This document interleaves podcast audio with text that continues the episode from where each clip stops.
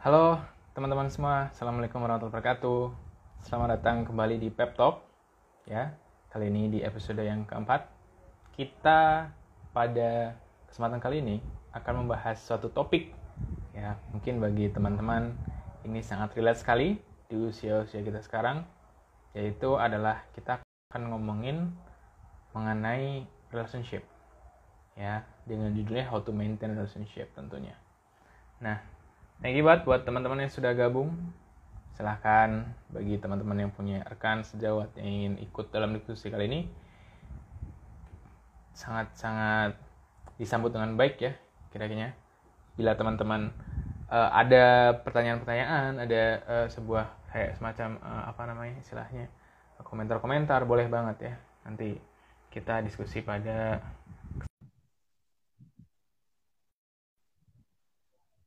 Ya, kita tunggu Sofina buat join.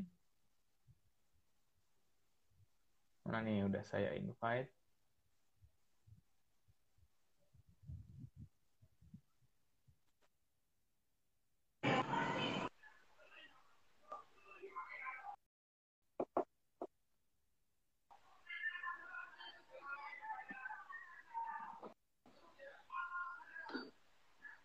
Oke, halo. Halo, hai Sofina.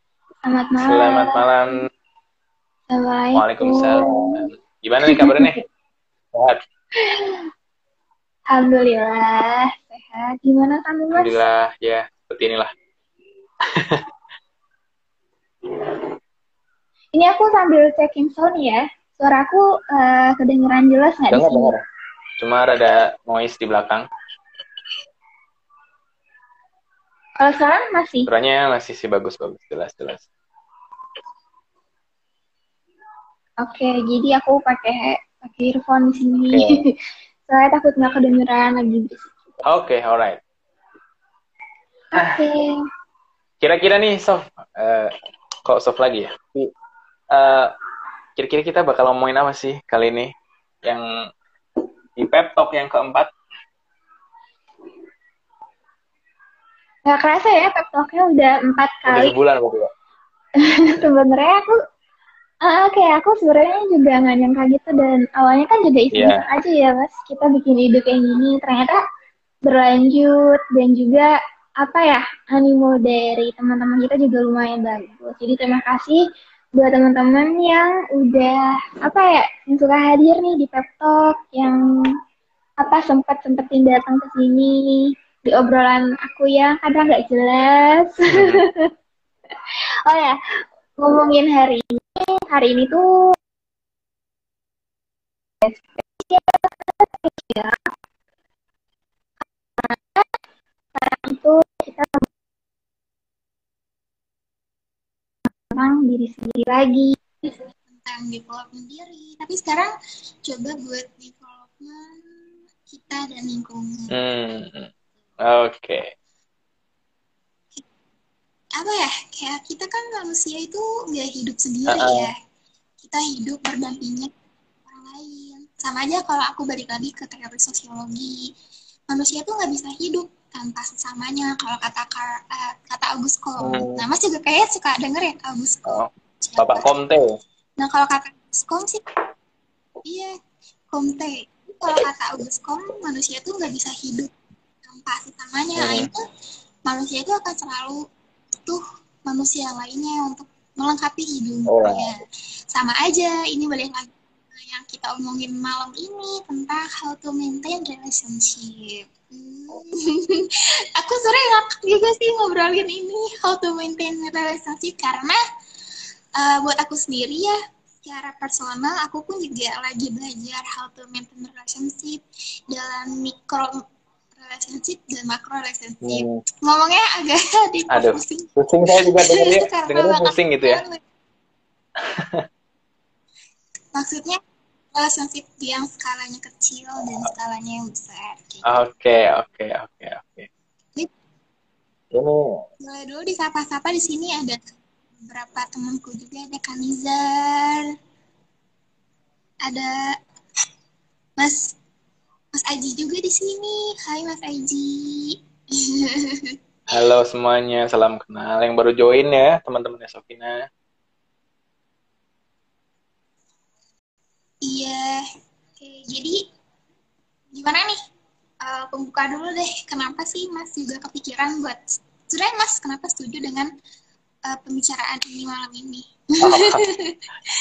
kalau dari aku sendiri sih memang apa ya relationship itu adalah suatu bagian dari hidup manusia yang nggak bisa kita lepaskan ya, karena kita memang selama hidup kita kita selalu menciptakan hubungan itu gitu, menciptakan interaksi itu gitu, baik secara umum dengan masyarakat ataupun secara khusus dengan keluarga, dengan orang-orang terkasih, dengan pasangan-pasangan kalian atau sahabat-sahabat dan teman-teman. Jadi relationship itu adalah suatu core uh, apa ya core value yang harus kita bisa maintain, yang harus bisa kita kuasain gitu, yang harus bisa kita pelajarin terus menerus karena selamanya kita hidup ya kita akan berurusan dengan relationship itu gitu. Mau kayak semacam apa hubungannya gitu, baik secara tadi yang Sofina sampaikan makro ataupun yang mikro ya semuanya akan berdasarkan kepada bagaimana cara kita memaintainnya gitu. Dan cara memaintainnya itu uh, akan sangat unik ya kan? Akan sangat unik dari masing-masing hubungan yang ada kayak gitu. Terkhusus mungkin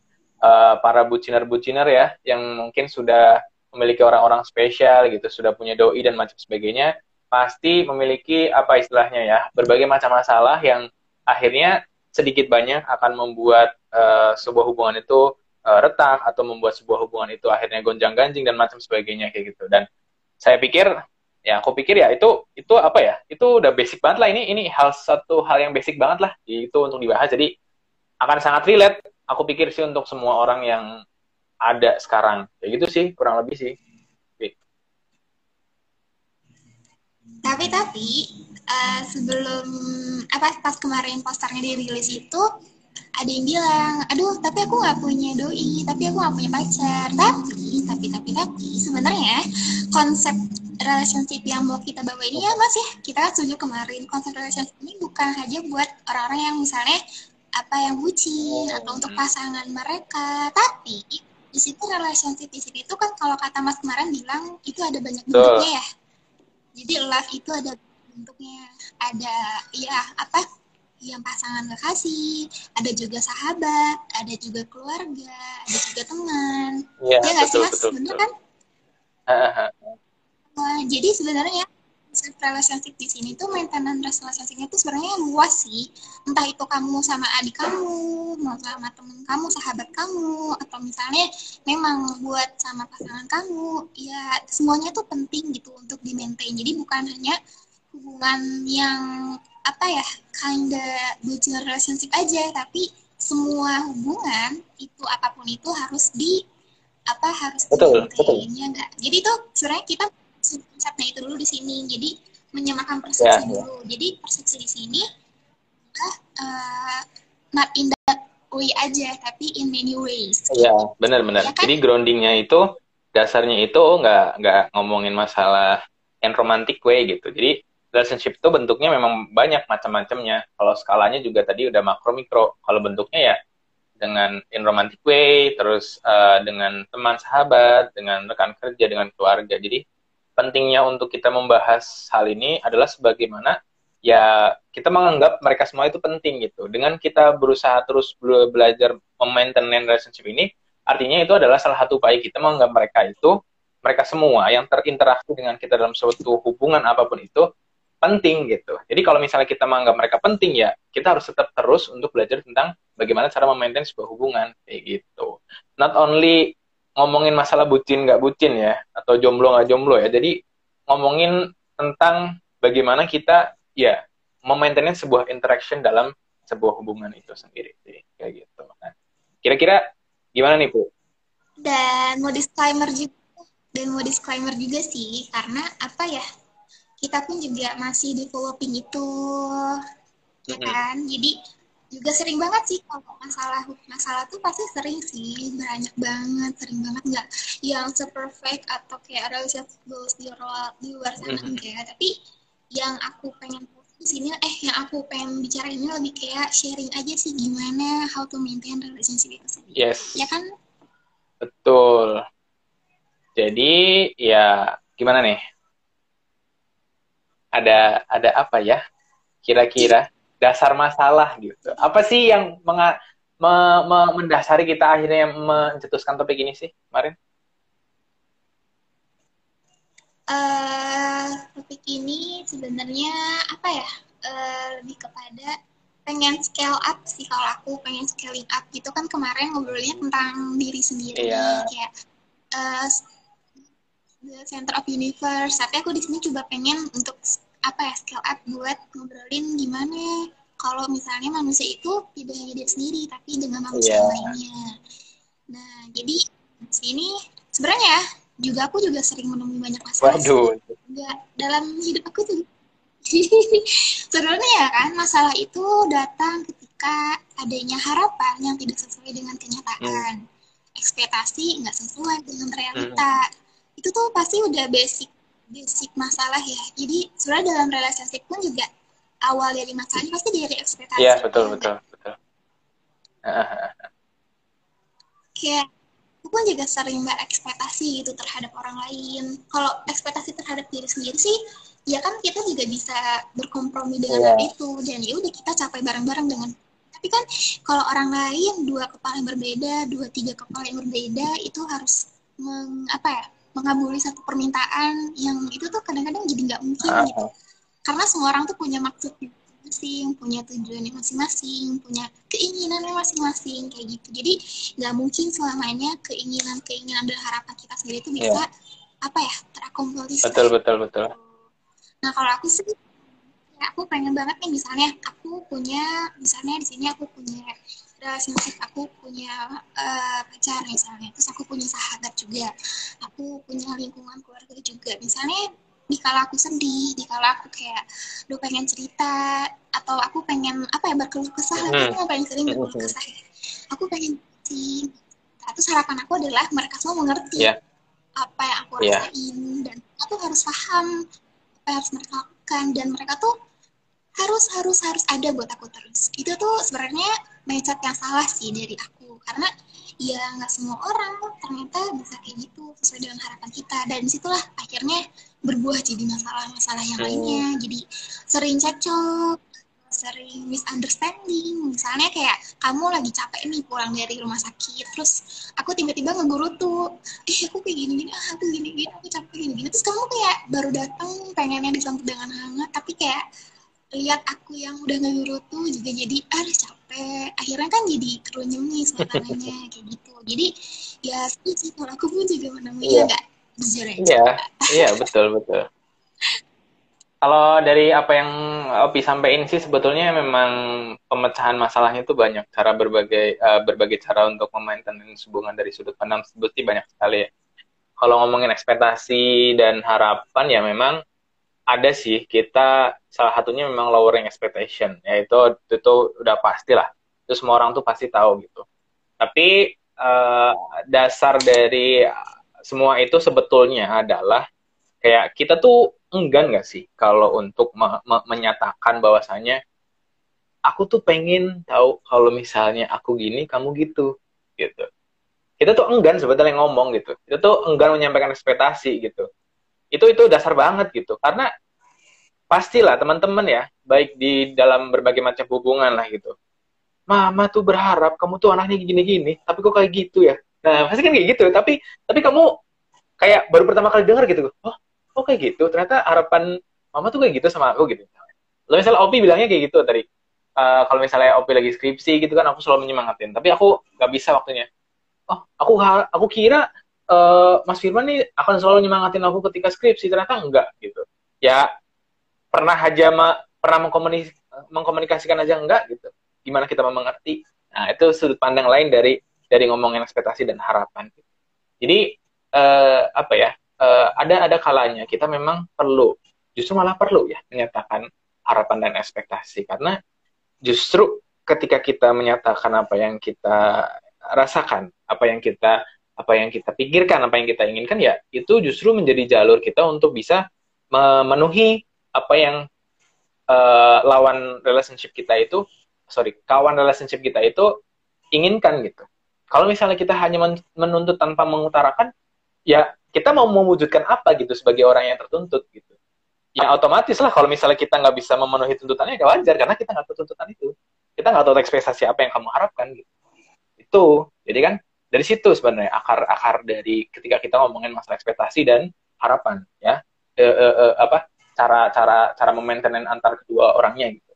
Kalau kalau lowering ekspektasi itu udah pasti ya kan. Tapi yang sisi lainnya adalah bagaimana cara kita sih mengungkapkan harapan dan ekspektasi tersebut. Sehingga orang tuh tahu oh ternyata A nih yang dia minta oh ternyata B yang dia minta gitu. Gitu sih kurang lebih. Nah kalau dari kamu gimana Hmm, aku juga jadi enggak sih, ya sih benar kadang-kadang uh, mostly ya mungkin ini juga mungkin dirasakan oleh banyak orang. Soalnya ada A dan B. Itu aku nggak sebut gender ya, aku sebut A dan B aja. Misalnya uh, si A ini emang orangnya tuh uh, sebutannya tidak peka. Terus yang B kamu tuh orangnya nggak peka banget sih kayak gini-gini. Aku kan gini-gini, gini-gini. Padahal ya si A pun juga nggak tahu kayak kamu mau apa sih sebenarnya ya? Kamu tinggal bilang gitu loh. Aku juga bukan apa ya bukan bukan orang pinter yang tahu segalanya tanpa kamu bilang kayak gitu kan. Jadi ya kamu bilang kamu mau apa? Kamu mau gimana? Bilang. Kalau nggak bilang kita nggak akan pernah tahu. Nah sebenarnya juga itu juga awal dari mas sering banget sih kayak uh, dituntut untuk harus tahu semua. Padahal ya kalau nggak bilang kan nggak tahu. Benar, ya benar, benar itu. Itu sih. Jadi jadi apa ya dalam segala macam hubungan pasti kan ada ada sebuah interaksi yang terjadi, ada sebuah tuntutan, ada sebuah uh, tuntunan gitu, ya kan yang terjadi gitu. Jadi uh, ya mau nggak mau tuntutan dan tuntutan itu harus di, di, diutarakan. Gitu. Karena kalau enggak ya kita mau memenuhi apa, kita mau menuntun apa gitu. Gak tahu apa yang kita mau kerjakan gitu. Kalau misalnya memang hasilnya nggak sesuai dengan apa yang diharapkan ya wajar. Karena kita nggak tahu arah arah pergerakan kita itu ke mana gitu. Nah, berkata dari itu sebetulnya kembali lagi juga kalau ngomongin ekspektasi lagi kembali kepada uh, ada satu hal sih yang lebih menarik juga adalah ngomongin resource atau kemampuan dari si apa teman relationship kita ini uh, bisa memenuhi harapan yang kita inginkan gitu. Dan dan itu pun bisa menjadi sebuah akar masalah gitu karena oke okay, uh, man kan udah dikomunikasikan tapi setelah apa teman relationshipku tuh gak, gak, gak bisa memenuhi ekspektasi aku gitu. Ya itu kembali lagi kepada diri kita yang punya ekspektasinya. Bisa eh, mengkompromi nggak? Ya kan bisa bisa mentoleransi nggak? Bisa mengkompensasi atau enggak gitu. Ya rata-rata konflik akan terjadi ketika kita nggak terima dengan kenyataan yang tidak sesuai dengan harapan atau ekspektasi gitu. Ya kan? Baik sudah diusahakan maupun belum diusahakan.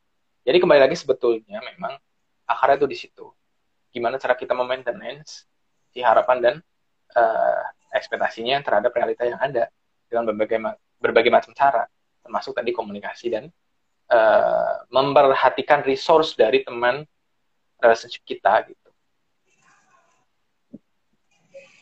Nah ini aku dapat poin nih. Jadi dari tadi kan dari masalah yang harapan atau ekspektasi itu yang nggak sampai dan nggak sesuai realitas, akhirnya kan nanti juga akan berujung pada pada konflik ya. lagi ya kan harapannya adalah hubungan itu bisa apa ya lancar langgeng terus juga saling memberi kehangatan saling memotivasi saling mendorong tapi kan nyatanya tidak gitu tidak sesuai dengan harapan yang akhirnya jadi banyak berantem bertengkar salah salah apa ya salah pengertian dan lain-lain. Nah kan sebenarnya itu jadi dampak yang negatif ya dari hubungan itu sendiri. Nah, kalau sebelumnya obrolan kita itu jangan sampai jadi toksik ya. supaya gimana sih si relasi itu tidak menjadi racun atau menjadi apa ya bahaya buat kita tapi tetap untuk uh, apa ya buat membangun gitu buat developing lagi kayak gitu. Nah jadi dampaknya itu ya banyak loh mas. Kayak dampaknya itu banyak lah dari mulai rusaknya hubungan terus juga rusaknya juga jadi itu tuh kalau kataku ya lebih besar gitu dampaknya kebanding kalau kita obrolin yang sebelum-sebelumnya. Kayak kita ngobrolin tentang diri sendiri. Dampak dan efeknya kembali ke diri sendiri gitu loh. Nggak akan dampak orang lain. Misalnya kita iri kita teriritasi lihat kesuksesan orang lain ya orang lain nggak gimana gimana dengan kesedihan kita yeah. ya udah berbalik lagi semuanya pada diri sendiri. Udah dengan relationship karena dampaknya itu bukan kepada diri kita yeah. sendiri aja tapi kepada orang di lingkungan yang terkait juga. Maksudnya yang terhubung itu sendiri. Nah jadi makanya kenapa sih penting banget buat ngomongin how to maintain relationship ini? Karena apabila hal itu apa ya kurang berjalan dengan baik kemudian ada masalah dan itu tuh dampaknya bukan buat diri sendiri aja tapi buat orang lain juga dan orang lain bisa terluka karena itu. Jadi jangan sampai uh, si apa ya hubungan itu tuh menjadi merusak diri sendiri dan juga orang lain. Apalagi orang yang kita sayang hmm, gitu kan. Uh, tegang ya. Bahasanya itu sih. Jadi kenapa why it's so important? Karena ya itu dia poin yang aku dapat ya kayak gitu. Kalau kamu gimana? Kalau ngomongin dampak sih sebetulnya uh, kita kembali kepada kalau aku pribadi sih ya, aku berdasarkan literasi yang aku baca tentang relationship tuh uh, relationship yang konsisten, yang uh, apa? yang baik gitu, yang sehat itu bukan lepas dari masalah, bukan lepas dari konflik, bukan lepas dari berbagai macam halangan yang ada, tetapi bagaimana sih kita bisa menghadapi semua itu. Nah, dasar dari bagaimana sih kita bisa menghadapi semua itu adalah satu poin aja sebetulnya, trust, kepercayaan. Di mana kepercayaan itu terdiri dari dua, yaitu uh, apa? Uh, positive vibe atau prasangka baik terhadap pasangan atau terhadap teman, terhadap relationship kita. Atau yang eh bukan, yang kedua adalah komunikasi. Jadi dua poin ini akan ber, akan mengalami uh, dampak gitu. Pertama dari vibes ya atau prasangka. Awal mungkin ketika kita punya sebuah relationship orang baru gitu kan, keluarga baru atau macam sebagainya, ada ada ada apa istilahnya prasangka yang baik, selalu ada prasangka yang baik. Tapi ketika muncul konflik, ketika muncul uh, berbagai macam masalah, bisa nggak kita mempertahankan uh, vibes ini gitu? Kita bisa nggak mempertahankan prasangka baik ini? Cara Islamnya husnuzon ini kita bisa pertahankan nggak? Karena sejujurnya, kalaupun kita memang kalau kita dasarnya memang trust, vibes itu akan selalu ada, prasangka baik itu akan selalu ada. Gitu. Sebagaimanapun jelek, uh, apa uh, teman relationship kita di mata orang gitu. Karena kita punya keyakinan yang yang nggak bisa digambarkan dengan uh, apa ya sesuatu gitu, karena kita believe gitu. Itu sih prasangka prasangka baik itu selalu akan bisa muncul dan akan juga terdampak ketika ada suatu konflik dan apakah kita bisa mempertahankan itu atau tidak itu salah satu kunci maintenance ke depannya. Terus yang kedua komunikasi. Komunikasi juga penting banget. Jadi juga salah satunya kan udah disinggung dalam ngomongin ekspektasi sama harapan ya. Dan aku yakin kalau komunikasi ini menjadi menjadi jalur satu-satunya cara kita menyampaikan bukan satu-satunya sih banyak sekali menyampaikan uh, apa yang kita alami gitu ya kan mungkin dengan verbal ataupun non verbal semua pesan akan sampai tapi uh, verbal ini akan menjadi kunci membuka semua uh, tabir yang ada ya konflik yang ada ya dengan cara kita ngomongin semuanya. Kita kita ungkapkan gitu. Kita ungkapkan ya kan? Dan komunikasi ini juga akan akan menjadi poin penting dalam memaintenance gitu. Kalau ada konflik ya komunikasi ini juga akan terpengaruh. Apakah kita ke depannya akan menjadi tertutup atau justru menjadi lebih terbuka itu itu tergantung.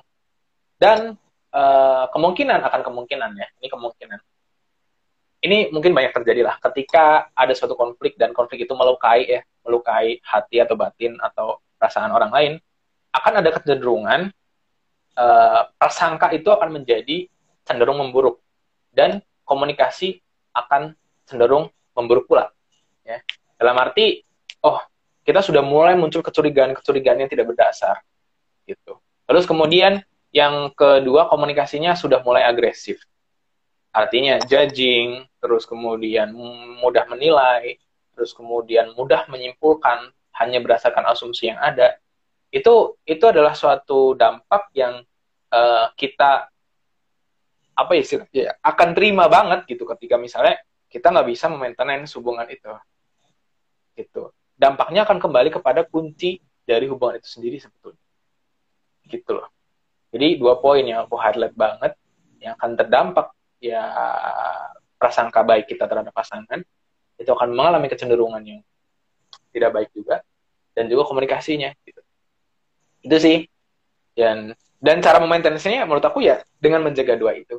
Kita terus bersama, berprasangka baik dan juga terus mengkomunikasikannya dengan baik pula. Itu sih dampak dan apa ya. Ya itu sih sebenarnya apa ya kalau aku sebutnya ya physical lah. Kayak uh, rantai setan ya gitu-gitu aja sebetulnya relationship sih. Dampak-dampaknya di situ aja. Kalau aku sih gitu.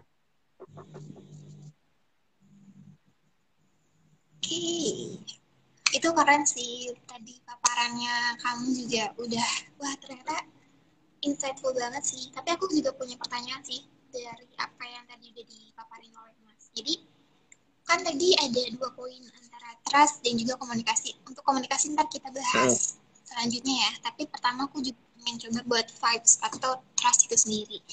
Nah trust itu sendiri kan sebenarnya uh, berawal dari apa yang nampak, apa yang dipersepsikan, yeah. ya kan? Mm-hmm.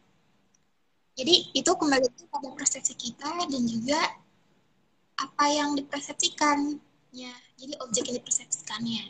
Nah kalau kata kamu, apakah si trust itu dibangun diri sendiri? Tapi menurut aku sih trust itu sih dibangun di dua-duanya, ya nggak sih? Atau? Uh, trust, uh, ya trust itu akan akan kalau menurut aku sih pribadi pertama kamu percaya dengan diri kamu sendiri dan percaya sama orang lain. Kalau kalau menurut aku percaya kepada orang lain pun itu adalah suatu kepercayaan pada diri sendiri. Gitu. Karena kamu percaya kalau kamu percaya sama orang lain. Gitu. Kamu percaya kalau kamu mampu percaya kepada orang lain. Itu adalah sebuah kepercayaan juga. Trust juga yang kamu bangun dalam diri kamu sendiri. Gitu. Ya, memang harus dibangun oleh kedua pihak nggak mungkin lah. Nggak mungkin trust itu uh, hanya muncul pada satu pihak. Kalau trust muncul pada satu pihak sebetulnya ya itu sebuah tanda tanya, tanda tanya besar sih. Atau ketika trust itu terganggu itu itu sebuah tanda tanya yang besar. Apakah ada hal-hal yang memang tidak bisa diselesaikan antar dua individu ini? Atau atau ada masalah faktor di luar lain yang akhirnya membuat trust issue gitu dan kalau menurut aku trust itu ada yang bilang trust itu subjektif, ada yang bilang objektif. Menurutku dua-duanya. Trust itu dibangun atas dasar subjektif dan objektif. Trust, tadi kamu bilang, melihat apa yang tampak. Ya kan? Apa yang tampak. Kalau yang tidak tampak, kita hanya bisa mempercayai. Ya kan? Kalau misalnya uh, si A ngomong, ya aku bakal setia sama kamu. Ya udah, kita percaya. Ya kan? Untuk bisa percaya dengan mereka. Dan dan ya sudah itu nggak tampak kesetiaan itu nggak tampak gitu nggak bisa kita proving ya kan ya udah itu subjektif gitu. jadi kalau misalnya uh, aku nih orangnya uh, apa istilahnya uh, rapi rajin dan macam sebagainya terlihat dari perilakunya terlihat dari cara ngomongnya itu itu satu yang tampak objektif ya udah kita percaya gitu. karena ada bukti dan itu tandanya trust itu nggak bisa lepas dari sisi subjektivitas makanya ada orang yang setia lah sama pasangannya meskipun pasangannya itu uh, uh, istilahnya menyakiti dia lah atau mungkin uh, kurang baik atau sebagainya. Karena mungkin dia punya trust tersendiri dia punya belief tersendiri bahwasanya oh pasangannya akan membaik suatu saat. Gitu. tapi dia tetap percaya dengan hal itu. Gitu. Gitu sih menurut aku. Kalau kamu gimana Iya, ya, tadi aku juga mau nyambung nih dari yang pernyataan terakhir tentang banyak juga orang di luar sana yang dia tuh misalnya pasangannya atau orang terdekatnya itu abusing banget tapi dia tetap percaya sama orang itu karena believing bahwa setiap saat suatu hari nanti tuh dia akan baik kepada dia. Suatu hari dia akan mm-hmm. apa ya menjadi sesuatu apa yang ekspektasikan. Dan itu bisa jadi balik lagi ke toksikan karena aku pun sendiri punya beberapa lingkungan yang seperti itu. Kayak udah dibilangin nih susah banget. Aduh itu kamu tuh toksik banget parah. Dia itu sebenarnya nggak sayang tapi dia itu melukai dia itu menyakiti mm -hmm. gitu. Kenapa lu tuh buta gitu? Aneh ada sebutan bahwa cinta itu buta ya karena dari situ. Mm -hmm. nah berarti kalau aku bisa tarik ya kayaknya tuh berarti di sini tuh yang tinggi itu bukan cintanya tapi ekspektasinya mm -hmm. ya benar-benar dia ingin menjaga ekspektasi dirinya sendiri supaya dia tidak terluka oleh ekspektasi dirinya dengan apa ya berpegang dengan terus kepada ekspektasinya itu. Jadi akhirnya percaya. Nah menurut aku sih kalau ngomongin tentang trust trust itu menjadi hal yang apa ya jadi yang krusial sih kalau dalam sebuah relationship. Karena ketika awalnya sudah tidak trust itu punya trust issue itu tuh akan jadi ambil lah ke semuanya semuanya gitu. Misalnya jadi tidak empati kita jadi tidak simpati jadi tidak apa jadi tidak into dan ngerasa kayak we have to build a wall between us kayak gitu. Karena trust issue itu sendiri. Nah sebenarnya permasalahan trust issue ini tuh sebenarnya bisa di apa ya diperbaiki kemudian juga di apa ya dibangun lagi tuh dengan tahap yang selanjutnya yang tadi mas bilang itu komunikasi ya enggak nah kalau ngomongin komunikasi sebenarnya menjadi hal yang paling krusial juga sih menurut aku setelah trust dalam suatu relationship. Karena kalau misalnya manusia di dunia ini cuma sendiri ya dia nggak perlu nggak perlu buat komunikasi nggak perlu trust Betul. juga. Ya udah in self aja mengandalkan diri sendiri. Tapi ternyata uh, di dunia ini kita nggak sendiri dan kita juga harus salah satunya harus bisa berkomunikasi dengan baik. Nah ini sebenarnya aku juga mau bahas ini karena aku kemarin belajar tentang public speaking sama apa Kak Indra dan juga Kak Nadia yang di Insert, Insert. dan aku juga jadi banyak oh, jadi banyak insight ya itu tentang komunikasi itu sendiri. Aku belajar sosiologi komunikasi di kampus, tapi I don't get the value. Aku nggak dapat value-nya yeah, sih sebenarnya. Udah dapat intinya. Sih maksudnya kenapa sosiologi itu harus relate-nya dengan komunikasi. Ternyata iya kita nggak hidup sendiri dan kita membutuhkan orang lain. Dan membutuhkan orang lain ini kita butuh komunikasi komunikasi tertentu supaya bisa terjalin dengan baik. Dan apa ya keinginan keinginan kita itu juga bisa tercapai satu sama lain Betul. kayak gitu. Jadi pada dasarnya komunikasi itu seperti itu. Terus apa ya hmm, oh ya aku tuh juga mau balik lagi. Ternyata kenapa sih komunikasi itu sepenting itu karena ya komunikasi itu bukan cuman buat di relationship aja tapi kita tahu ya balik lagi ke abad 21 ini tuh semuanya tuh ada salah satunya itu keterampilan yang dibutuhkan tuh adalah komunikasi nah untuk pengembangan diri aja penting komunikasi apalagi dalam relationship. Nah, nanti kan bentuk relationship pun juga nanti bukan relationship yang informal tapi relationship yang formal. Itu berbeda lagi ya. Berbeda lagi stage-nya. Buat sekarang kita obrolin itu tentang komunikasi di dalam stage yang relationship intim dulu, intimate, intimate relationship gitu ya, Mas. Nah, sebenarnya aku spill dulu deh. Kayak kamu juga awal-awal kita bareng tuh kamu tuh pernah ngajarin aku tentang salah satu bentuk komunikasi komunikasi yang asertif sebenarnya aku awalnya nggak tahu sih tentang ini kayak apaan ya komunikasi asertif itu dan akhirnya kamu tuh ngajarin aku dan gimana sih pola komunikasi kita supaya ya kalau kita berkonflik tuh nggak yang saling menjatuhkan, melukai, mengiritasi gitu. Dan aku pun juga jadi belajar lagi. Jadi kan ada tipe-tipe nih orang-orang yang aku baca ya, aku baca dari literasi itu literatur maksudnya. Jadi ada empat tipe orang-orang yang berkomunikasi. Yang pertama itu ada yang pasif. Nah yang kalau yang pasif itu orang iya cenderung menerima aja mendengar tidak berkata apa-apa dan tadi yang kata Mas tidak menyampaikan keinginannya kayak gitu jadi ya dia cenderung pasif aja dan menjadi orang yang didominasi nah ada yang kedua itu adalah yang uh, dia agresif. Agresif itu yang dia tuh harus menjadi orang majornya. Kemudian dia yang harus mengatakan semuanya apa yang dia pikirkan dan harus sesuai dengan apa yang diinginkan. Dan kalau imaging lagi kepada yang dulu. Bisa tahu ya aku yang mana mas? Sudah bisa ditebak. Tahu lah ya sebelumnya.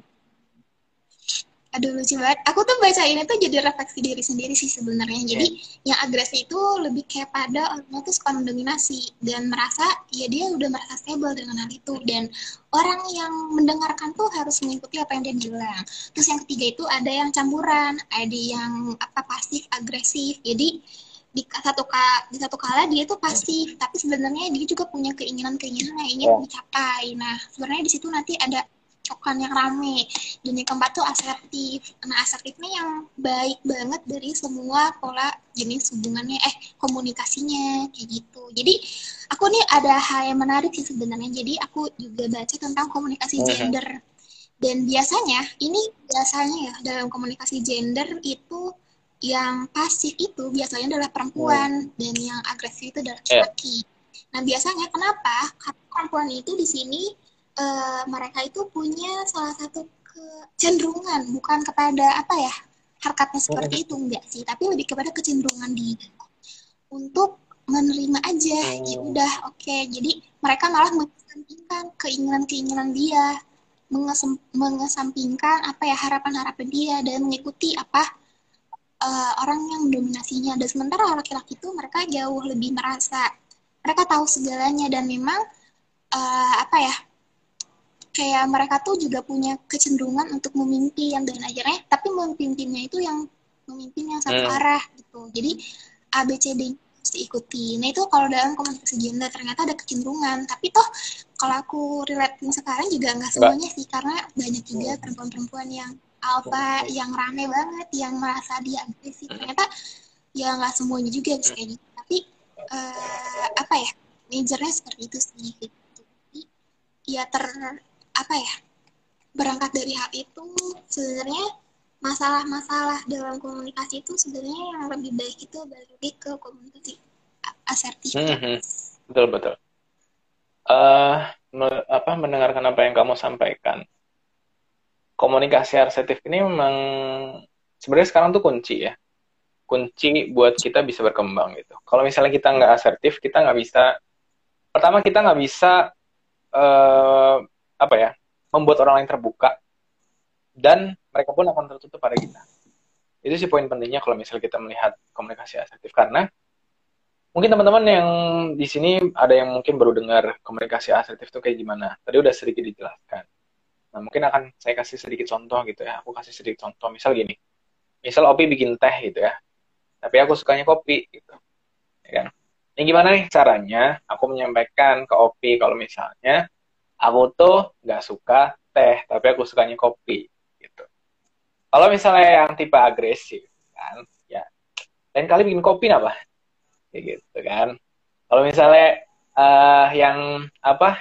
Yang pasif ya kayak ya udah diminum-minum aja tapi gerutu gitu mukanya sepet gitu kan Nah, kalau misalnya yang asertif ini, aku bakal bilang, kayak, wah, tehnya enak banget ya, manis gitu. Mungkin lain kali boleh kopi deh, kayaknya kopinya kalau manis, aku lebih suka. Jadi kayak gitu. As simple as that sebetulnya. Kalau misalnya contoh lain misal, udah dibikin kopi nih, aduh tapi kemanisan gitu. Aku pengennya yang gulanya dikit.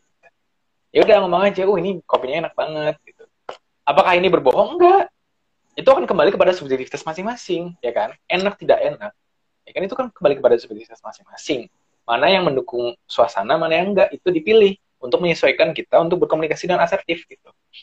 Kita ngomong ya kopi ya pahit gitu, kental nggak kentalnya, ringan sedangnya itu kan kembali kepada orang masing-masing gitu kan. Ya udah aku ngomong ya, oh kopinya enak nih, manis gitu. Tapi mungkin besok-besok gulanya dikit ya gitu. Itu mungkin akan lebih sesuai dengan lidahku. Begitu sih. Jadi poin penting sebetulnya yang pertama dalam komunikasi asertif itu adalah jangan pernah membuat lawan bicara kita itu menjadi merasa salah melakukan sesuatu. Bayang gak? Mungkin teman-teman di sini masih bingung ya. Nah, nggak apa-apa. Tapi pasti teman-teman pernah di posisi, pernah ada pada posisi di mana teman-teman sudah melakukan sesuatu, tapi justru ya apa yang teman-teman lakukan ini tujuannya adalah baik untuk me me mewujudkan suatu hal, tapi ternyata itu dianggap sebagai suatu kesalahan gitu. Padahal teman-teman niatnya baik dan sesuai dengan apa yang diinginkan gitu. Tapi karena memang itu uh, hanya tidak sesuai dengan keinginan lawan bicara kita, kita dianggap salah. Dan ketika kita merasa dianggap salah padahal enggak, itu kita uh, pasti kita akan merasa kayak, oh, kok gue diginiin ya gitu. Akhirnya kembali lagi ke poin penting tadi, trustnya terganggu. Gitu. Karena kok gue udah berusaha capek-capek bikin kopi gitu. Kenapa gue kayak kayak merasa bersalah kok gue jadi salah gitu. Padahal gue pengen ngasih suguhan buat tamu tuh gitu. Makanya penting sih sebetulnya pas lagi di awal di tamu gitu kan ditanya mau minum apa? Minum teh aja tante gitu. Ya udah jujur aja gitu. Jangan sosokan apa aja gitu. Kalau apa aja dikasih yang nggak suka gimana lu pusing kan? Kembali lagi sebetulnya. Punten tante saya kayaknya lebih suka teh deh gitu. Tapi gulanya sedikit gitu. Sudah kelar gitu. Masalah konflik yang akan muncul ketika komunikasi itu nggak ada hilang di belakangnya gitu. Jadi poin pentingnya sebetulnya dalam komunikasi asertif adalah jangan pernah membuat lawan bicara itu kita itu merasa salah atas usahanya. Ini dalam konteks e, merasa ya kalau misalnya memang betul-betul salah ya dikomunikasikan dengan baik. Pun itu sebetulnya dengan kita menjudge dia salah itu kita sudah lewat dari komunikasi asertif itu. Udah jauh sebetulnya. Kalau kita udah mulai judging gitu. Atau misalnya kita satir itu juga menurut aku keluar dari konteks asertif itu sendiri. Karena sudah mulai membuat lawan bicara kita itu merasa salah. Dan ketika rasa salah itu tumbuh dalam lawan bicara kita. Pertama trustnya udah pasti terganggu. Prasangkanya akan menjadi buruk dan komunikasinya akan menjadi jelek. Itu sih. Gitu sih Pi. jadi komunikasi asertif itu sebagaimanapun caranya tekniknya itu kan macam-macam. Intinya itu jangan pernah membuat lawan bicara kita yang sudah melakukan suatu usaha itu merasa salah atas usahanya. Padahal itu hanya subjektivitas yang hadir dalam diri kita itu kalaupun itu memang ada objektivitas salah dan memang melanggar norma-norma atau dan macam sebagainya, ya patut memang untuk mendapatkan uh, tap salah, tapi tetap dikomunikasikan. Gitu. Atau mungkin masih belum kebayang contohnya misal lagi ya. Kalau misalnya Opi cerita gitu, uh, Mas, aku lagi, sorry ya Pi ya contohnya, saya Mas aku lagi ini nih skripsi pusing dan macam sebagainya. Wah, kalau aku ya, kalau kalau agresif nih, ya elah gitu doang. Ngeluh nih. Gue bisa nih ambil lulus sampai sarjana. Masa lu kayak gitu udah gak bisa? Itu agresif banget parah. Itu itu itu itu pertama Opi akan merasa sangat bersalah. Yang kedua Opi oh sorry Opi merasa bersalah untuk bercerita kepada aku. Opi merasa bersalah nggak bisa bertahan dalam kondisi seperti itu. Dan Opi sepertinya merasa uh, salah gitu untuk kayaknya gue nggak sekuat yang gue kira deh gitu. Gue lemah deh kayak gitu kan. Itu pasti kamu merasakan hal tersebut.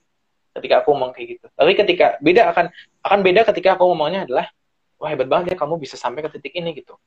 Mungkin teman-teman yang lain nggak sampai sejauh ini. Meskipun kamu menghadapi kesulitan tapi kamu nggak sampai untuk keluar dari uh, mengerjakan skripsi. Meskipun sedikit-sedikit kamu ngerjain kok tuh. Progresnya ada. Ya kan? itu sama aja sebetulnya pesan yang disampaikan adalah santuy, kalem, ya kan? Tapi dengan maksud yang baik. Gitu. Lu udah progresivitas, lu ada nilai plusnya, lu menciptakan um, apa perkembangan dalam diri gitu. So you need to continue what you tentang apa yang harus kamu lakukan. Halo? Put, putus-putus di mana? Jadi ini sorry. Jadi tuh kayak sempat putus ada lagi putus ada lagi putus ada no. lagi. mulai putus di poin apa tadi? Tapi tadi mak aku udah oh, ya. poinnya sih. Ya Lanjutin intinya itu. ya ketika udah ya ketika udah asertif otomatis kita akan akan muncul rasa yang pertama kali muncul dari respect. Kita otomatis akan respect. Respect itu muncul dari mana? Dari kita yang melakukan asertif. Dan kemudian akan rasa respect kepada kita pun akan muncul dari teman lawan bicara kita gitu. Jadi asertif ini udah komunikasi yang paling menguntungkan gitu. Ya tapi disclaimernya adalah memang tidak semua orang di kondisi yang segenting apa pun kita nggak bisa lepas apa ya lepas kondisi lah pasti ada suatu saat kita ngomong agresif ada suatu saat kita ngomong kasar ada suatu saat ngomong kita pasif dan macam sebagainya ini adalah sebagai upaya aja kita untuk mengingatkan pada diri kita untuk selalu asertif kepada orang gitu. Gitu sih, Pi. Ya gak? Kalau menurut kamu gimana nih? Ya nih, kamu patah-patah videonya dan suaranya BTW. Oh, oke. Okay.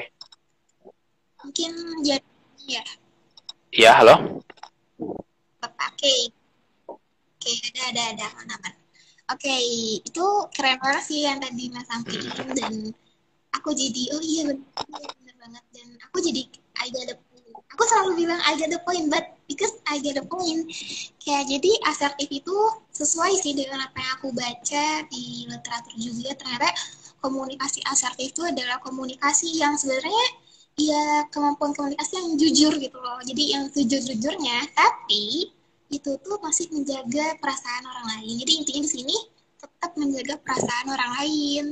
Jadi jangan apa ya, jangan sampai orang lain tuh sih. Atau jangan sampai orang lain tuh jadi merasa gak enak atau orang lain menjadi, menjadi merasa sedih. Contohnya tadi tuh real banget sih misalnya kayak pembuatan kopi misalnya. Kamu bilang aduh kopinya nih terlalu manis gitu. Terus kamu bilang dengan agresif misalnya ih kok kopinya manis banget sih? Kamu pakai gula berapa banyak? Kamu mau aku diam terus terus yang ada aku tuh bukannya pasti tapi aku juga agresif. Aku lemparin kopinya. Kelemparin aku kopinya. Kan nah mending kalau lawan bicaranya pasti ya udah deh lo gue nerima tapi makan hati. Tapi kan masalah lagi kalau misalnya dianya agresif. Kalau kayak saya ya kalau aku dilempar lagi kan kayak gitu. Jadi sebenarnya di sini asertif di sini itu juga diperlukan dua-duanya. Bukan dari pihak komunikatornya aja tapi dari penerima pesan itu sendiri sih. Kalau kata aku ya bener banget. Jadi jangan sampai sih si salah satunya itu yang pinter aja tentang asertif ini tapi dua-duanya gitu. Jangan sampai kamu marah-marah nih ini kok enak banget sih kamu kayak gini-gini? Masaknya bikinnya kayak gini enak gitu. Terus uh, aku yang nggak paham asertif juga ya aku jadi meledak juga gitu. Tapi kamu kok nggak menghargain sih kayak gini? Nah, akhirnya kan berantem uh. akhirnya kan jadi konflik lagi. Dan sebenarnya juga itu awalnya kayak gitu ya. Iya awalnya emang kayak gitu. Jadi ya guys jadi awalnya pun juga sama. Kalau aku sih lebih kayak dulu tuh awal-awal tuh lebih um, agresif jadi sekali agresifin aku tuh agresif balik kayak gitu. Aku tuh bukan tipe yang pasif. Nah makanya kelimpungan ya awal-awal menghadapi Sofina tuh seperti apa. Lambat tahun aku pun belajar, kamu juga kasih tahu yang sebenarnya yang benarnya seperti apa, kayak itu mendewasa tuh seperti apa. Gitu Jadi bener banget, jadi kemampuan itu adalah kemampuan untuk supaya gimana ya apa kita omongin itu menjaga perasaan orang Iya, betul, betul baca dari literatur lagi itu si asertif itu lebih kayak gimana kita tuh bisa menyelami dirinya atau diri receiver atau orang lain yang berbicara sama kita. Jadi kita tuh coba memahami, mendalami di situ. Kemudian juga uh, kita tuh juga harus memikirkan apa yang kita bicarakan. Makanya kita di sini dituntut bertanggung jawab sebenarnya sama apa yang kita lakukan, sama yang kita katakan. Dan itu sebenarnya kan kita juga tahu ya ada sebuah kata-kata mulutmu harimau uh. karena benar-benar apa yang kita ucapkan itu jadi masalah uh. gitu kalau kita tidak bertanggung jawab atas itu makanya sebelum kita berbicara ya udah kita think dulu uh, pause and think kalau aku belajar di makna aksara hmm. jadi kalau kata mereka tuh kalau kita cenderung yang apa ya yang sangat-sangat berapi-api. Dan aku juga cenderung orang yang berapi-api gitu loh kalau misalnya dalam memahami atau managing konflik. Nah makanya aku belajar buat pause ending jadi kita pause dulu dan coba berpikir dulu apa sih kata-kata yang enak diucapkan tapi nggak menyakiti gitu hmm. dan nggak menyakiti aku sendiri dan orang lain gitu loh. Jadi pause ending dulu dan jangan sampai yang kita ucapkan itu adalah ucapan yang impulsif Nah sebenarnya kata-kata itu tuh bisa apa ya bisa melukai itu seumur hidup nggak sih? Iya. Ini sih kata-kata? Walaupun event itu kamu udah minta maaf contohnya ya bukan kamu atau siapa pun itu misalnya udah minta maaf ya udah maaf itu diterima. Tapi kan kata-kata itu tuh terus tersimpan dalam otak kita memori kita dan itu tuh bisa jadi long lasting dan itu tuh bisa menjadi hal yang menyakitkan jadi buat aku lebih baik nggak usah lah berkata-kata yang nggak baik Nah, lebih baik kalau nggak usah, kalau itu kata-kata nggak baik, mending nggak usah diomongin. Atau kamu belajar buat asertif. Nah, itu tadi juga aku setuju sih. Aku juga. Ini tuh aku jadi lebih kayak validasi sih terhadap kayak aku baca tadi. Jadi uh, asertif itu sebenarnya bukan ada kemampuan gifted, tapi semuanya tentang dipelajari nggak iya, sih? Betul. sih? Keterampilan itu harus dipelajari, nggak semuanya gifted. Nah, apalagi kalau kita berhubungan dengan orang lain itu juga kita harus belajar. Nah asertif ini bukan berarti wah aku sebenarnya nggak asertif berarti gue nggak bisa dong ngomong dengan baik-baik enggak lah.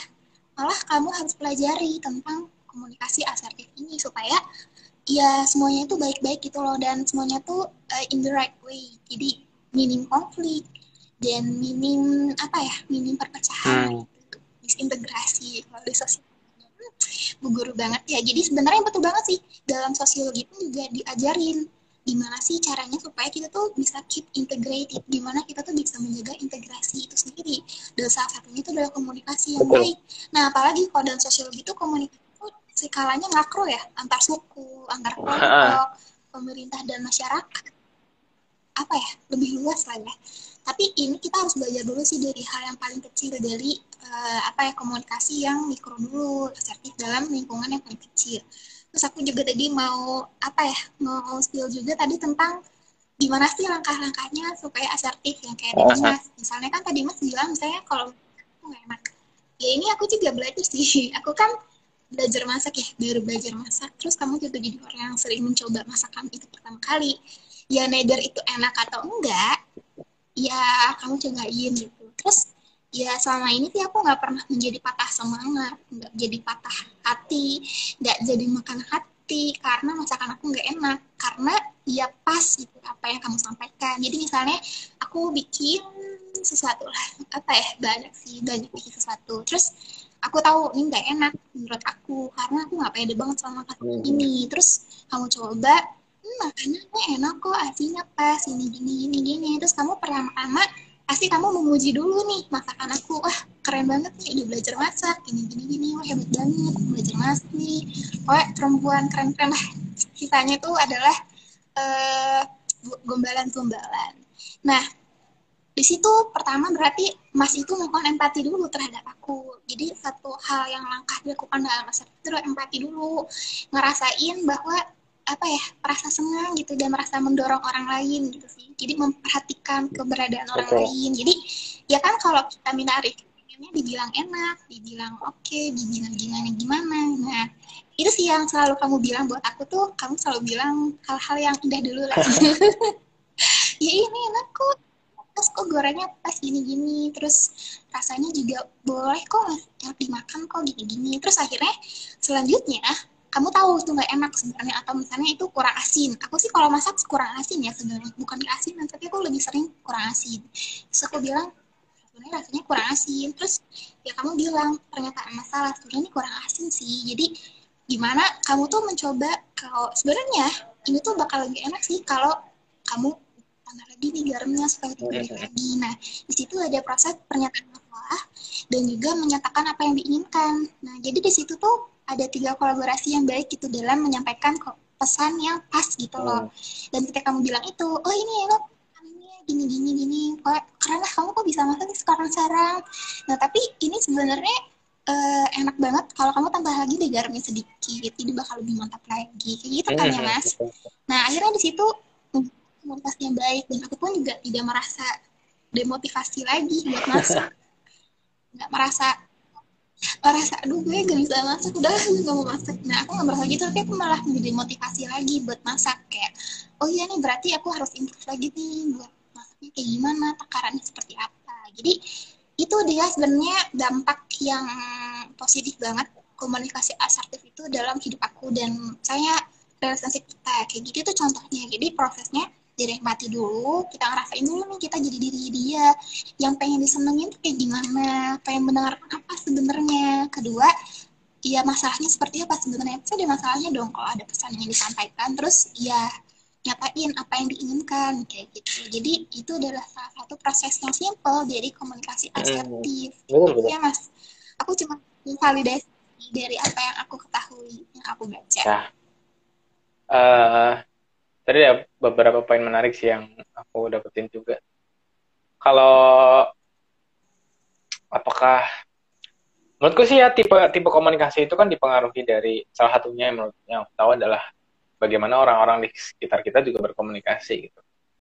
Jadi sebetulnya ya wajar kalau misalnya kita memiliki tipe komunikasi yang agresif kalau misalnya emang uh, orang-orang di sekitar kita memang agresif karena itu akan menjadi salah satu bentuk imitasi mungkin atau bentuk representasi yang uh, apa yang sama gitu kan nah kalau kalau misalnya kita mengetahui tipe komunikasi kita memang udah nggak nggak progresif ya kan atau malah justru destruktif buat kita sama orang lain ya tipe asertif ini adalah salah satu satu-satunya bahkan yang harus kita pelajarin gitu. Nah tadi cara caranya ya kalau buat aku sendiri uh, tadi kan Opi udah nyampein ya, secara konsep besarnya gitu. Kalau aku pribadi the simple thing that you can do adalah uh, sebelum kamu ngomong tempatin posisi kamu di posisi atau di keadaan lawan bicara kamu. That's the simple point. Gitu. Coba kalau misalnya tadi ngomongin ngomongin masak ya. Ya udah aku aku uh, Opi kan udah masak nih. Posisikan kepada diri aku kepada posisi Opi ketika aku masak. Aku pengen dicaci maki nggak? Nggak pengen. Aku pengen dibilang ini makanan nggak enak nggak? Nggak pengen aku pengen ini dipuji nggak? Pengen banget. Aku pengen ini dianggap enak nggak? Pengen banget. Aku pengen uh, makanan ini uh, dikomentarin sehingga makan aku jadi lebih enak gak ya pengen banget gitu. So just do it kepada lawan bicara kamu. Ya intinya adalah kembali kepada asertif itu adalah ya cara komunikasi yang ingin kalian terima gitu. Kalau kalian ngomong ya ngomonglah sebagaimana kalian ingin uh, diomongin sama orang gitu kamu pengen dimaki-maki nggak? Nggak pengen. Dihina-hina pengen nggak? Enggak. Ya kan? Didiskreditkan, dikucilkan, dan lain sebagainya. Nggak pengen. Ya udah, hindari itu. Ya kan? Apresiasi, afirmasi, ya kan? Empati, simpati. Munculin itu semua. Itu komponen asertif. Jadi bayangin aja, orang yang di depan kamu itu adalah kamu sendiri. Ya, ya intinya kamu ngomong sama diri kamu sendiri lah coba gitu. Mau yang kayak gimana? Nggak mungkin lah dibentak-bentak ya kan? Nggak mungkin gitu itu salah satu simpel cara cara paling mudah untuk belajar asertif ya kan? Itu simpel banget paling mudah. Gitu. Dan itu gratis dan kalian bisa lakuin setiap hari. Dan uh, percayalah teman-teman kalau misalnya kita udah mulai asertif kehidupan kita bakal berubah banget. 180 derajat bakal berubah banget. Lambat laun kalian akan menjadi orang yang uh, toleran terhadap berbagai macam konflik yang ada berbagai macam uh, apa permasalahan yang ada. Kita akan menjadi lebih tenang dalam menghadapi suatu situasi. Kita akan lebih wise dalam menentukan sebuah keputusan. Kayak gitu sih. Kurang lebih gitu sih. Nah, ini ada ada pertanyaan nih, Pi, dari sejawat saya.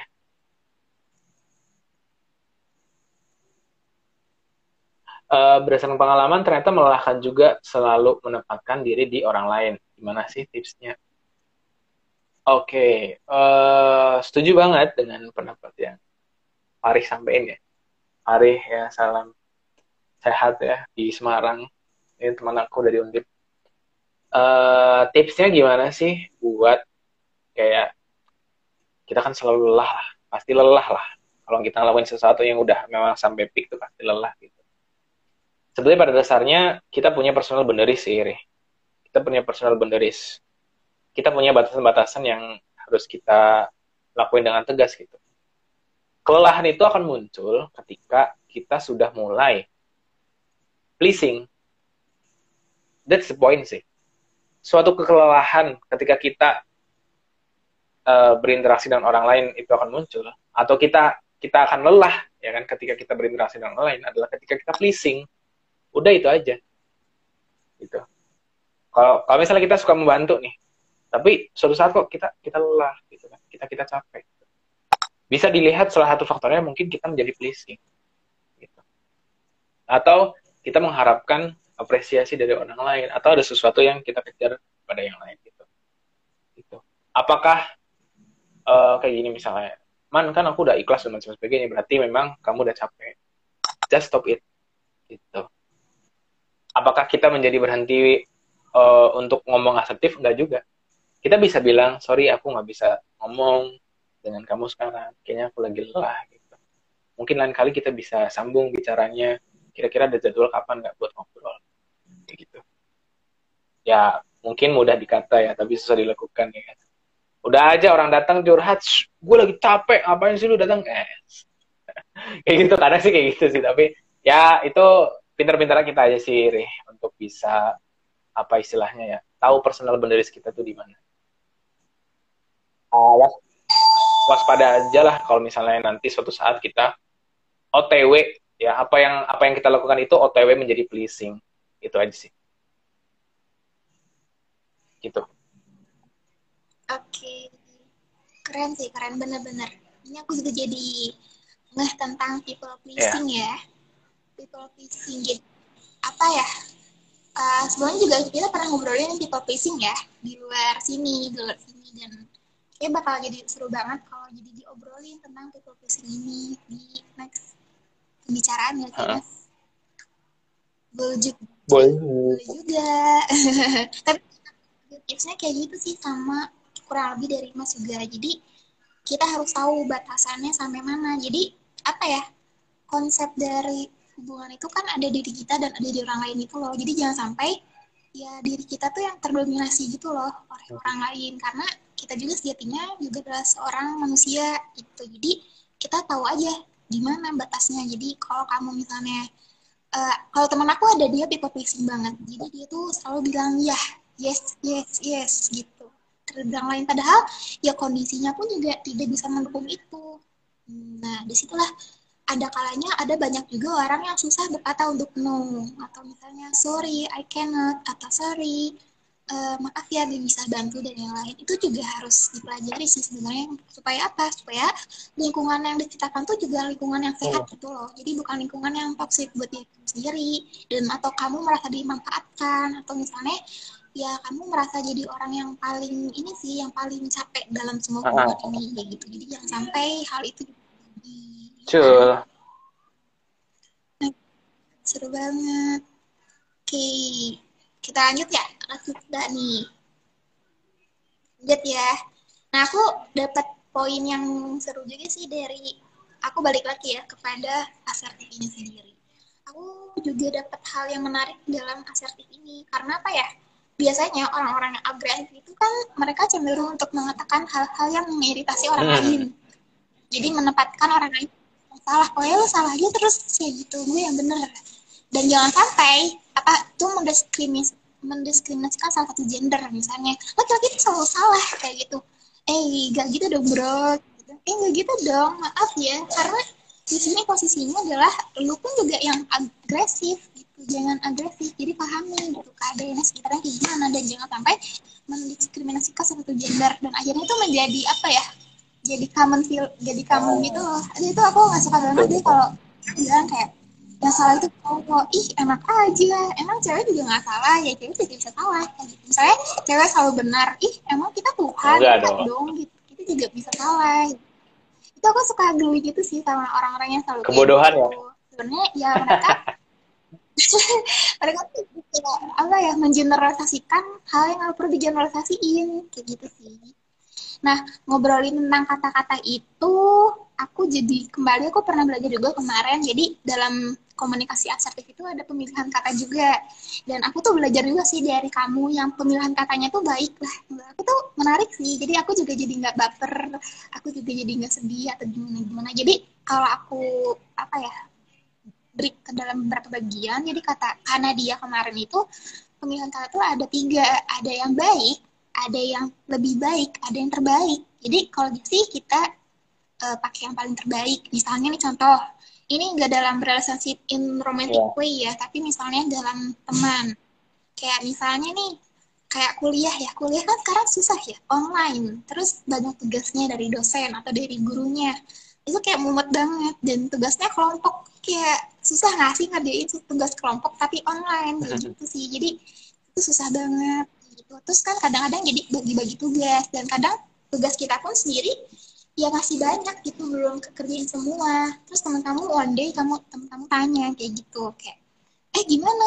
Udah beres belum tugasnya? Udah mau gue ini dong udah mau gue satu ini biar kelarnya cepet. Terus dia bilang kayak gitu. Terus ya kamu bilang kalau kamu bilangnya aduh sorry ya belum dikerjain ya marah dong temennya. Dan kecewa nggak sih sama itu jadi orang gak bener sih lu? Jadi ngerusak uh, kelompok kita padahal kelompok kita tuh udah baik gini gini gini kan nggak gitu dong. Tapi kita pilih aja ada tiga kata-kata yang baik lebih baik dan terbaik. Kalau misalnya baik ya apa ya kalau lima baik tuh bilangnya belum dikerjakan. Jangan bilang gitu tapi coba yang lebih baik lagi kata-katanya. Kata-katanya misalnya dari yang belum baik coba kalau kamu bilang atau lo katain kayak yaudah nih uh, akan aku kerjakan. Bentar ya lagi mau gue kerjain. Nah kan kayak orang jadi lebih kayak sedikit memberikan toleransi lah sedikit. Gitu nih mau gue kerjain atau kalau yang lebih bagus lagi coba pakai kata-kata yang terbaik. Kata-kata yang terbaik tuh kayak misalnya uh, iya nih gue lagi kerjain sedang dikerjakan. Jadi dari yang belum kemudian jadi akan dan sedang. Dan itu pemilihan kata sih sebenarnya. Jadi gimana pintar-pintar kita memilih kata? Padahal sih belum. Padahal sih nah, ya padahal otw gitu. Jadi jangan sampai tinggal otw aja. Otw itu kata-kata yang apa ya ih udah tahu nih pasti belum dikerjain kayak gitu. Coba kata-katanya diubah menjadi kata-kata yang pemilihan kata itu loh dari yang baik baik dan terbaik. Coba kata-kata saya ini lagi gue kerjain. Oh gitu kayak orang mau marah ya lagi progres sih ya udah kayak gitu. Jadi aku jadi ajarin juga sih. Jadi oh ternyata pemilihan kata itu juga penting dalam komunikasi. Jadi gimana sih pinter-pinternya memilih kata kayak gitu. Kalau kamu gimana mas? Tambahan yang lain ya kalau misalnya tadi nyambung sih pemilihan kata itu nah asertif itu emang uniknya itu adalah di pemilihan katanya. Semakin orang melatih diri untuk bisa asertif akan semakin bagus dalam mengkomunikasikan suatu hal. Dan akan apa ya less irritated untuk ngomongin uh, suatu hal gitu. Jadi uh, ketika nanti memulai untuk belajar asertif tapi masih kayak takut untuk ah mengiritasi dan macam sebagainya ya uh, rasa atau eh bukan rasa ya upaya kita kan nggak berniat untuk apa ya tidak berupaya untuk mengiritasi orang tapi ketika ada orang yang teriritasi itu tidak sepenuhnya salah dari kita gitu. Dan itu menjadi suatu hal yang wajar ketika kita belajar asertif. It's normal gitu santai aja kalau mau belajar asertif mah. Dan itu sih poin pentingnya adalah everything will be changed. Akan everything will change. Akan berubah. Akan berubah pokoknya kalau kita udah bisa asertif gitu. Dan itu akan kebawa di berbagai macam tipe komunikasi. Mau komunikasi sama yang formal dan informal itu akan terbawa semua gitu. bahkan di kayak forum-forum ilmiah gitu akan akan kelihatan orang yang tipenya asertif sama yang enggak gitu. Akan kelihatan banget gitu. di forum-forum formal itu apalagi itu akan memperlihatkan seberapa polite kita untuk bisa asertif terhadap perbedaan pendapat ilmiah perbedaan perdebatan gitu dan macam sebagainya. Itu itu akan mendukung akan sangat mendukung karir kita kalau misal kita bisa asertif. Apa pun profesinya gitu apa pun profesinya gitu. Karena orang akan sangat suka ketika dihargai posisinya sebagai lawan komunikasi. Ya gitu. Meskipun kita mengalami perbedaan pendapat meskipun kita mengalami uh, berbagai macam konflik. Ininya sih itu sih kalau dari uh, apa ya uh, komunikasi asertif ya kalau kita lihat kepada how to maintain relationship yaitu kalau menurut aku ya, ya komunikasi asertif ini salah satu fondasi bagaimana cara kita membangun kepercayaan itu sendiri gitu. Kan kepercayaan dimulai dari uh, menghargai uh, dengan dengan menghargai kita membuat orang lain dipercaya ya kan dan kemudian kepercayaan itu akan muncul ya gitu. Se apakah semudah itu? Sebetulnya semudah itu, tapi memang uh, dalam komunikasi ini faktornya tidak hanya faktor pengucapan saja, ada faktor emosi, ada faktor pikiran, ada faktor-faktor yang lain untuk berkontribusi gitu. Jadi memang akan banyak hambatan dalam melakukan uh, apa ya komunikasi yang asertif ini dalam membina suatu pembina, dalam dalam me, me, menjaga suatu hubungan.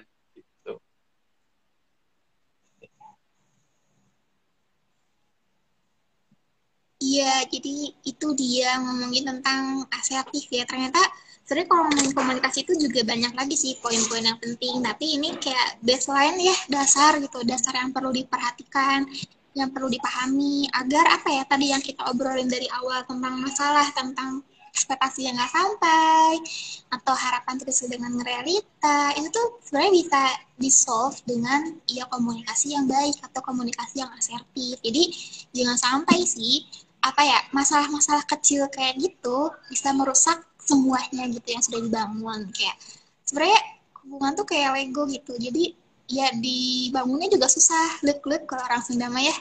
Jadi kayak susah gitu dibikinnya dibentuknya. Tapi juga hancurnya juga cepat kayak gitu. Jadi gimana sih supaya si apa ya si bangunan itu menjadi kokoh gitu. Ya dengan apa? Dengan menjaga komunikasinya yang baik komunikasi yang asertif. Jadi aku juga setuju sih salah satunya untuk memaintain relationship itu adalah salah satunya dalam komunikasi. Dan itulah that's why kenapa kita ngobrol itu hari ini. Jadi ya siapa tahu teman-teman di sini juga apa ya mendapatkan insight baru atau sebenarnya juga oh ternyata gue lupa nih buat mengatakan hal-hal yang seperti ini dan gue malah jadi agresif atau misalnya jadi pasif. Kayak ya udah deh gue yang salah gue terima. Padahal iya salah. Orang lainnya kayak gitu. Kenapa lu terima kalau lu disalahin? Kan nggak gitu juga. Ya sebenarnya aku mengalah itu juga penting sih. Tapi kalau misalnya mengalah itu terus menerus tapi kamunya nggak ikhlas lu nya nggak ikhlas kayak suatu hari juga bakal jadi snowball gitu. Bakalan kayak lama-lama besar besar besar besar terus terus aja sepuluh hari. Jadi ya jangan menyimpan apa ya namanya jangan menyimpan rasa tidak enak dalam hati lah lama-lama gitu. Jadi lebih baik daripada kamu simpan tahan-tahan ini ya udah selesaikan hari itu juga gitu loh. Karena ya relationship itu jangkanya bukan untuk proyekan saya proyekan satu bulan dua bulan enggak dong. Tapi kan ya gimana sih si relationship ini output eh outputnya tuh juga bisa jadi apa ya jadi long lasting gitu loh. Jadi bisa lama bisa apa ya malah growing gitu loh. Jadi dengan komunikasi asertif ini aku jujur sih jadi growing lagi sih. Jadi kita sudah sudah melewati step masalah-masalah yang kecil gitu loh. Yang masalah masalah ih kamu kok gak ngertiin aku? Ih kamu kok gini gini kita udah melewati masa itu sebenarnya ya kan? Karena ya kita sudah tahu kita sudah paham gimana sih core-nya gimana sih menyikapinya gimana sih kita bisa memahaminya kayak gitu loh. Jadi akhirnya kita bisa kepada step yang selanjutnya kayak goals goals selanjutnya dan growing ke tahap yang selanjutnya kayak gitu loh. Nah jadi uh, dari sekarang pelajari gimana sih sikap asertif komunikasi asertif itu sendiri karena kebaikannya buat diri lo sendiri gitu ya yo i betul sekali. Aduh mantap sekali nih kan. Ya gitu. Wah dari tadi banyak ya teman-teman yang bergabung juga. Dan mengingat waktunya sudah 2125 itu sebenarnya overtime gak apa-apa.